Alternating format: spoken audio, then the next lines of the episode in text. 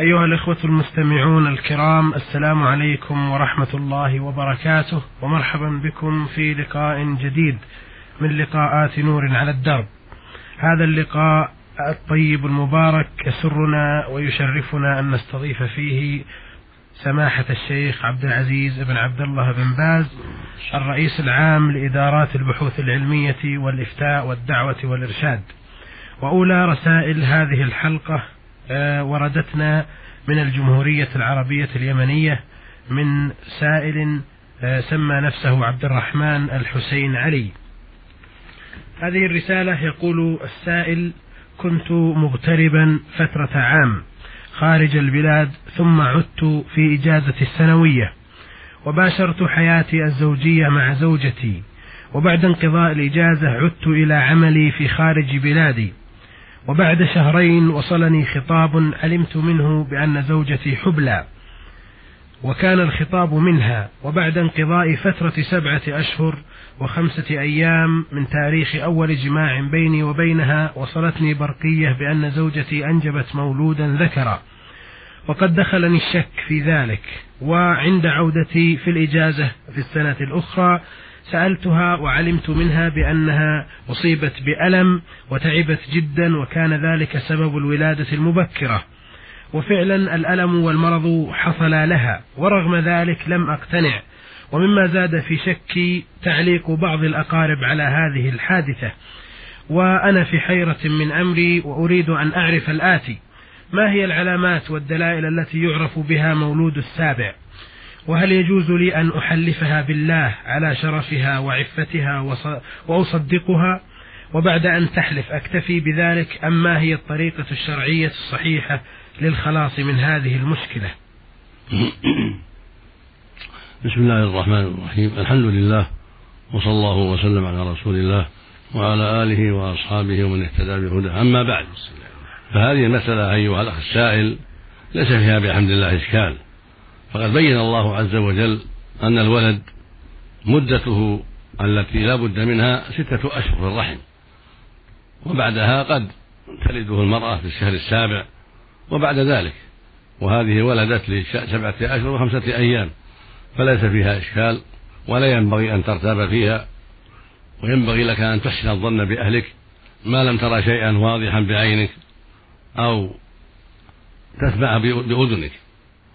أما التهم التي لا أساس لها فلا ينبغي المؤمن ذلك بل ينبغي المؤمن أن ينزه سمعه وبصره ودينه عما لا يليق. وإحسان الظن بالزوجة أمر واجب ما لم يوجد ما يخالف ذلك بصفة لا شك فيها ولا شبهة. وينبغي لك أن تطمئن وأن الولد ولدك وأن تحسن ظنك في أهلك وأن تدع وساوس الشيطان رزقنا الله وإياك الاستقامة. ومن أدلة ما ذكرنا قوله جل وعلا في المولود وحمله وفصاله ثلاثون شهرا. فجعل الحمل والفصال ثلاثين شهرا. وأخبر في آية أخرى أن فصاله في عامين أو فصاله في عامين. فدل ذلك على أن حصة الحمل ستة أشهر. وحصة الولد بعد الولادة وقبل الفطام سنتان عامان فقط. فإذا ذهب أربعة وعشرون شهرا بقي ستة أشهر للحمل. وبهذا تعلم أن ولادة هالة بعد الجماع بعد أول جماع بسبعة أشهر وخمسة أيام أنه شيء لا شبهة فيه ولا شك فيه والحمد لله. الحمد لله. نعم. بارك الله فيكم. وهذه رسالة من سائلة لم تذكر اسمها. تقول عندما أصلي صلاة الضحى وأنتظر صلاة الظهر يغالبني نعاس فهل ينتقض وضوئي به أم لا؟ النعاس لا ينقض الوضوء إذا كان نعاس على اسمه ليس فيه نوم ثقيل يذهب معه الشعور فإن هذا لا ينقض الوضوء. النعاس كون الإنسان يحس بالنوم ويخفق رأسه بعض الأحيان ولكن يسمع الناس ويسمع الكلام ولا يزول شعوره بالكلية فهذا لا ينقض الوضوء. قد كان الصحابة رضي الله عنهم ينتظرون العشاء على عهد النبي صلى الله عليه وسلم فتخفق رؤوس تخفق رؤوسهم من النعاس ثم يصلون ولا يتوضؤون. أما النوم الثقيل يذهب معه الشعور هذا ينقض الوضوء. فينبغي لك أن تنتبهي لهذا الأمر فالنوم الثقيل الذي ينزل معه الشعور هذا ينقض وضوءك وعليك الوضوء. أما مجرد النعاس الذي معه الإحساس ومعه الشعور بمن حولك من يتكلم أو يمشي ونحو ذلك فهذا لا ينقض الوضوء. جزاكم الله خير. آه، لها استفسار آخر في رسالتها تقول فيه آه، ما حكم تأخير صلاة العشاء حتى الساعة السادسة مساء بالتوقيت الغروبي؟ الواجب أن تكون صلاة العشاء قبل النصف ولا يجوز تأخيرها إلى النصف. لقوله صلى الله عليه وسلم وقت صلاة العشاء إلى نصف الليل. فعليك أن تصليها قبل نصف الليل على حسب دوران الفلك. فإن الليل يزيد وينقص والضابط هو نصف الليل بالساعات. فإذا كان الليل عشر ساعات لم يجوز لك أن تؤخرها إلى الساعة الخامسة. وإذا كان الليل إحدى عشرة ساعة لم يجوز تأخيرها إلى الخامسة والنصف وهكذا. وأفضل ما يكون أن تكون في الثلث الأول. ومن صلاها في أول الوقت فلا بأس لكن إذا أخرها بعض الوقت فهو الأفضل. إذا أخرها عن أول الوقت بعض الشيء فهذا هو الأفضل. لأن الرسول صلى الله عليه وسلم كان يستحب أن يؤخر صلاة العشاء بعض الوقت عليه الصلاة والسلام. ومن صلاها في أول الوقت بعد غروب الشفق وهو الحمرة التي في الغرب فلا بأس بذلك. لكن تأخيرها في المساجد وغيرها شيئا من الوقت يكون أفضل. نعم جزاكم الله خير. ولها استفسار ثالث أيضا وهو الأخير في رسالتها تقول فيه أصلي وأنا أدافع الريح أحيانا فهل صلاتي صحيحة؟ الواجب على المؤمن إذا شغل بالريح أو البول أو الغائط شغلا يؤذيه أنه لا يدخل الصلاة بل يقضي حاجته من غائط وبول وريح. ثم يتوضأ ويصلي وهو مطمئن القلب خاشع الجوارح خاشع القلب مقبل على صلاته هذا هو الذي ينبغي المؤمن وقد قال عليه الصلاة والسلام لا صلاة بحضرة الطعام ولا وهو يدافعه الاحبثان يعني البول والغائط. والريح بمعنى ذلك فإنها إذا اشتدت تكون في معنى البول والغائط في إيذاء المصلي وفي إشغال فكره. فالمشروع لك إذا أحسست بالريح الشديدة أن تخلصي منها وتوضئي ثم تصلي. ولا ينبغي لك أن تصلي وهي معك شديدة تدافعينها لأن هذا خلاف ما شرعه الله وهو من جنس مدافعة البول والغائط. وقد اختلف العلماء في صحة الصلاة مع المدافعة. فقال قوم تصح الصلاة ويكون معنى لا صلاة كاملة. وقال آخرون بل تبطل الصلاة لأن الأصل نفي الحقيقة. فقوله لا صلاة بحضرة الطعام ظاهره نفي الحقيقة فينبغي لك أن تحذري هذا الشيء وأن تجتهدي في إكمال صلاتك والحيطة لها بالتخلص من الريح والبول والغائط قبل الصلاة حتى تصلي وأنت خاشعة مطمئنة. وأما كون الصلاة تصح أو ما تصح فهذا محل نظر والأقرب إن شاء الله الصحة إذا كان إذا كان المصلي عقل صلاته وأتمها كما شرع الله لكنه فعل أمرا لا ينبغي بكونه يصلي وهو يدافع غائطا أو بولا أو ريحا. هذا خلاف ما شرعه الله وأقل أحواله يكون مكروها. وإن كان الظاهر من النص تحريم ذلك لكن ينبغي المؤمن أن يتخلص من هذا ويعمل بالنص ويتباعد عن شبهة بطلان صلاته. نعم. جزاكم الله خير. هذه رسالة من السائل آه، أحمد فؤاد حسن آه، مصري يعمل بجدة. يقول أديت فريضة الحج مع زوجتي منذ عامين وكان هذا الحج حج تطوع بالنسبة لنا سويا وقد أكملت أنا كافة المناسك كاملة ولكن زوجتي أتاها الحيض بعد التحلل الأول أي بعد الرمي والتقصير ولكن قبل طواف الإفاضة. يقول آه بعدما أكملت أنا كافة المناسك كاملة آه زوجتي أتاها الحيض بعد التحلل الأول أي بعد الرمي والتقصير وقبل طواف الإفاضة. آه وقد عدنا إلى دارنا وبعد أن تطهرت جامعتها ثم ذهبت وأكملت طواف الإفاضة. أو ثم ذهبنا وأكملت طواف الإفاضة. فما حكم ذلك؟ هل حجها صحيح؟ وهل عليها كفارة؟ وما هي؟ وهل يجب علي أنا زوجها كفارة باعتباري المتسبب في فساد حجها؟ أفيدونا بارك الله فيكم. الحج صحيح لأنها قد أدت ما يحصل به التحل الأول قد رمت وقصرت حصل لها التحل الأول. نعم. فحجها صحيح والحمد لله. ولكنك أخطأت في جماعها قبل أن تطوف. فعليك التوبة إلى الله من ذلك من كونك أقدمت على أمر محرم لأنه لا يجوز لك أن تجامعها إلا بعد التحلل الثاني بالرمي والتقصير والطواف. وأنت لم تفعل ذلك بل جامعتها قبل الطواف. فعليك التوبة إلى الله من ذلك وعليها ذبيحة شاة تذبح في مكة لأجل ما فعلت من المحظور وهو كونها وافقت على جماعها قبل أن تطوف فعليها التوبة إلى الله أيضا وعليها ذبيحة تذبح في مكة للفقراء والمساكين في أي وقت كان. وإذا سلمت عنها قيمة يكون ذلك أولى وأحوط لأنك أنت الذي تسببت في هذا الأمر. نعم. جزاكم الله خير. آه هذه رسالة من آه ممرضة آه مصرية تعمل بالمملكة العربية السعودية في أبها. تقول في رسالتها إنني أعمل ممرضة وأحيانا أعطي للرجال إبر بحكم عملي في حالة عدم وجود ممرض رجل يعطيهم هذه الإبر ويكون المريض في حالة ماسة لهذا العلاج. فما حكم ذلك؟ وهل, وهل علي إثم؟ إذا دعت الحاجة إلى ذلك فلا حرج إن شاء الله ولكن ينبغي لك أن تكوني مع النساء وأن يكون الممرضون من الرجال للرجال وأن أن كلا يحافظ على وقته وأن يؤدي ما عليه من الخدمة. فإذا دعت الضرورة إلى أن تقومي أنت بضرب الإبرة للمحتاج عند عدم وجود الممرض فلا حرج عليه إن شاء الله. بارك الله فيكم. لها استفسار آخر في رسالتها تقول فيه آه، هل تصح صلاة التهجد بعد صلاة الوتر؟ حيث أنني أصلي الوتر بعد العشاء مباشرة ثم أعود مرة ثانية في منتصف الليل أصلي صلاة التهجد. وقد سمعت حديثا عن رسول الله صلى الله عليه وسلم يقول فيه اجعلوا آخر صلاتكم في الليل وترا. فأفيدوني في ذلك. بارك الله فيكم. نعم. الحديث صحيح. رواه البخاري ومسلم الصحيحين.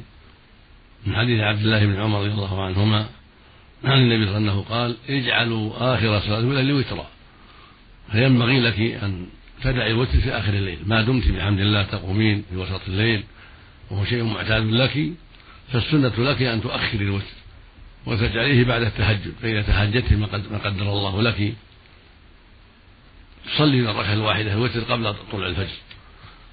قد قال عليه الصلاة والسلام صلاة الليل مثنى مثنى. يعني ثنتين ثنتين. فإذا خشي أحد من الصبح صلى ركعة واحدة توتر له ما قد صلى. هذا هو المشروع. أن تصلي ما تيسر من الليل ثنتين ثنتين ثم إذا فرغت من التهجد صليت ركعة واحدة قبل الصبح توتر كما قد صليت من التهجد. ولكن لو فرضنا أنك أوترت في أول الليل وخفت ألا تقوم من آخر الليل ثم يسر الله لك القيام من آخر الليل فإنك تصلين ما قسم الله لك من الركعات ويكفي الوتر الأول ولا حاجة إلى إعادة الوتر. لقول النبي صلى الله عليه وسلم لا وتران في ليلة.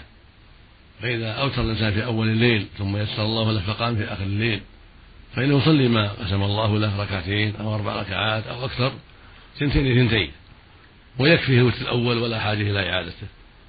لأن الرسول صلى الله عليه وسلم نهى عنها بقوله لا وتران في ليلة. اللهم صل عليه وسلم. نعم. لكن ما تشفع الوتر يا سماحة الشيخ؟ تشفع الوتر الأول؟ القول هذا ضعيف. نعم القول هذا ضعيف. جزاكم الله قال تشفع الوتر ركعة نعم. ثم توتر قول ضعيف. والصواب أنه يكفي الوتر الأول ولا حاجة إلى شفعها جزاكم نعم. الله خير. آه لها استفسار ثالث وأخير في رسالتها تقول فيه آه إنني أصلي صلاة الضحى بعد صلاة الفجر أي بعد شروق الشمس آه مباشرة وأحيانا أصليها قبل صلاة الظهر. فهل هذا صحيح؟ الأمر موسع في صلاة الضحى.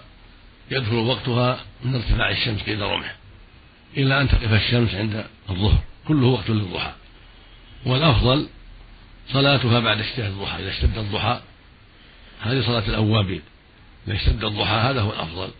ومن صلىها في أول وقت بعد ارتفاع الشمس فلا بأس. الأمر بحمد الله واسع في هذا. فمن صلاها في أول الوقت فلا بأس ومن صلاها في أثناء الوقت فلا بأس ومن صلاها عند شدة الضحى فهذا هو الأفضل. والمهم المحافظة عليها والعناية بها فإذا كان يشغل في آخر الوقت ويخشى أن لا يصليها بادر بها في أول الوقت حتى يدرك فضلها وقد أوصى النبي صلى الله عليه وسلم أبا هريرة وأبا الدرداء بصلاة الضحى وقال عليه الصلاة والسلام على كل سلامة صدقة. فبكل تسبيحة صدقة وبكل تهليل صدقة وبكل تكبيرة صدقة وبكل تحميد صدقة وأمر بالمعروف صدقة ونهي عن المنكر صدقة قال ويكفي من ذلك ركعتان تركعهما من الضحى. هذا يدل على فضل هاتين الركعتين وأن لهما شأنا عظيما وإذا صلى أربعا أو ستا أو ثمانا أو أكثر فلا بأس. ولكن أقل ذلك ركعتان من الضحى. نعم. جزاكم الله خير. آه هذه رسالة من السائل لطفي سعيد اليماني. آه يقول فيها آه سؤاله الأول. ما حكم من نوى أن يطلق زوجته وتأخر عن ذلك؟ إذا نوى الرجل طلاق زوجته ثم ترك ذلك ولم يفعل شيئا فإنه لا يقع عليها طلاق. النية لا يقع بها طلاق. لقول النبي صلى الله عليه وسلم إن الله تجاوز عن أمتي ما حدث به أنفسها ما لم تعمل أو تكلم. فما دام لم يتكلم ولم يعمل لم يكتب ذلك وإنما نوى فقط فهذه النية لا يقع بها شيء وزوجته باقية في عصمته لم يقع عليها طلاق حتى يكتب الطلاق أو يتكلم به. نعم. بارك الله فيكم. له سؤال ثان في رسالته يقول فيه ما حكم من نذر مبلغا من المال لبناء مسجد؟ لكنه لم يبني المسجد. هل يحل له أن يأخذ المبلغ له أو يحوله إلى مسجد آخر ليبنى به علما بأن المشترك واحد من أربعة أشخاص. إذا نذر المسلم دراهم معلومة أو نوعا من المال معلوم ليصرف في تعمير مسجد أو لباطل الفقراء أو للصدقة بها الفقراء وجب عليه النذر وليس له أن يرجع عن ذلك. قال الله جل وعلا مادحا لأهل الإيمان يوفون بالنذر ويخافون يوما كان شره مستطيرا. وقال النبي صلى الله عليه وسلم من نذر أن يطيع الله فليطيعه ومن نذر أن يعصي الله فلا يعصيه. فأمر عليه الصلاة والسلام من نذر طاعة أن يوفي بنذره. فعليك يا عبد الله أن توفي بنذرك فإذا لم تصرف في هذا المسجد المعين صرفته في مسجد آخر. أما أن ترجع فليس لك الرجوع نعم. بارك الله فيكم. وله آه، استفتاء ثالث أيضا يقول فيه ما حكم المرأة التي تقول لزوجها آه، الله يحرمك علي وتروح إلى بيت أهلها وترجع آه، بعد ذلك إلى بيت الزوجية؟ هذا لفظه لفظ الخبر ومعناها الدعاء. ولا وجه له ولا يحصل به شيء. ولا يترتب عليه شيء. فقولها الله يحرمك. أو الله يجعلك عليه حرام ما ما ما يترتب عليه شيء لكن دعاء لا ينبغي منها. وهو معناه طلب شيء يجعلها محرمة عليه وهذا لا ينبغي منها. أما لو قالت أنت حرام علي أو أنت محرم علي فإن هذا أولا لا يجوز لها وثانيا عليها كفارة يمين إذا فعلت ذلك. لأن المسلم إذا حرم الحلال عليه كفارة يمين. لقول الله سبحانه يا أيها النبي لم تحرم ما أحل الله وتبتغي مرضات أزواجه؟ والله غفور رحيم. قد فرض الله لكم تحلة أيمانكم. فمن حرم ما أحل الله له كأن يحرم طعام فلان أو زيارة فلان أو شراب فلان أو جلوس عند فلان أو كلام فلان عليه كفارة يمين. وهكذا إذا قالت المرأة زوجي حرام علي أو أنت علي مثل, مثل أبي. أو ما أشبه ذلك فإن هذا كلام منكر وعليه التوبة إلى الله من ذلك وعليها كفارة اليمين لأن الظهار لا يكون من النساء إنما يكون من الرجال للنساء. أما المرأة فليس منها ظهار للزوج لأن الله قال سبحانه والذين يظاهرون من نسائهم فالظهار للزوج مع المرأة. أما هي إذا ظاهرت من زوجها أو حرمت زوجها فعليها كفارة اليمين وهي إطعام عشرة مساكين لكل مسكين نصف صاع من قوت البلد من تمر أو غيره أو كسوتهم الواحد ما يجزئه في الصلاة من قميص أو إزار ورداء أو عتق رغبة عتق عبد أو عبدة أحد الثلاث. إما صيام إما إما إطعام عشرة مساكين وإما كسوتهم وإما إعتاق رقبة مؤمنة. فإن عجز عن ذلك ولم يستطع هذه الكفارة أجزأه ويصوم ثلاثة أيام عند العجز. نعم. يعني حالة هذه لا تعتبر الآن آه، يعني عليها كفارة فيها. لا لأنها دعاء ما دعاء. ما الله يحرمك ما يريد. ما في كفارة.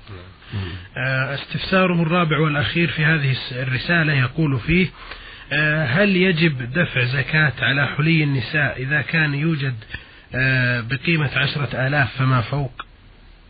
نعم. حلي النساء من الذهب والفضة فيها الزكاة على الصحيح. فيها كلام بين أهل العلم لكن الصحيح من أقوال العلماء أن فيها الزكاة إذا بلغت النصاب. والنصاب عشرون مثقالا ومقداره أحد عشر جنيه ونصف بالجنيه السعودي أو اثنتان اثنان وتسعون غرام اثنان وتسعون غرام يقوم مقام 11 جنيه ونصف. فالحاصل إذا بلغ النصاب هذا الذهب تزكيه في كل ألف خمسة وعشرون وهكذا الفضة. إذا بلغت الفضة ستة وخمسين ريال فأكثر زكاها بربع العشر وهكذا إذا كثر المال يزكى بربع العشر من كل ألف خمسة وعشرون. وإذا كان عشرة آلاف فزكاتها مئتان وخمسون يعني عشرها ألف وربع العشر مئتان وخمسون من العشرات الآلاف. نعم. وهل يدفع الزوج زكاة حلي زوجته؟ لا يلزم لا الزكاة عليها. لكن إذا ساعدها بذلك وسمحت ورضيت فلا بأس. أن يزكي عنها إذا سمحت. وإلا فالزكاة عليها لحليها. لأن الأحاديث الدالة على ذلك تدل على أن الزكاة عليها. وجاءت النصوص دالة على وجوب الزكاة في الحلي. نعم. طيب بارك الله فيكم. هذا سؤال من السائل من سوريا يقول مرسله خليفة السلطان محمد. يقول يوجد ناس عندنا يقولون إننا أبناء الشيخ عيسى أو أبناء شيخ غيره من الشيوخ المعروفين عندنا ويأتون يسألون الناس وقد لبسوا لباسا أخضر على رؤوسهم من حرير وفي أيديهم أصياخ من حديد. إذا أعطيتهم أعطيتهم وإذا لم تعطهم غضبوا وضربوا أنفسهم بهذا الحديد في بطونهم وفي رؤوسهم. هل هذا نوع من السحر؟ وهل نعطيهم؟ وهل نصدقهم؟ وما الحكم؟ هؤلاء ممن من الطائفة التي تسمى الصوفية وهؤلاء يلبسون على الناس ويخدعونهم بزعمهم أنهم أولاد فلان وأولاد فلان وبزعمهم أنهم يستحقون على الناس المساعدة.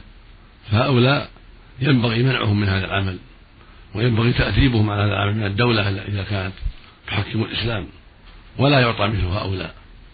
وإذا ضربوا أنفسهم لعلهم يقتلون أنفسهم فلا حرج عليك في ذلك أنت.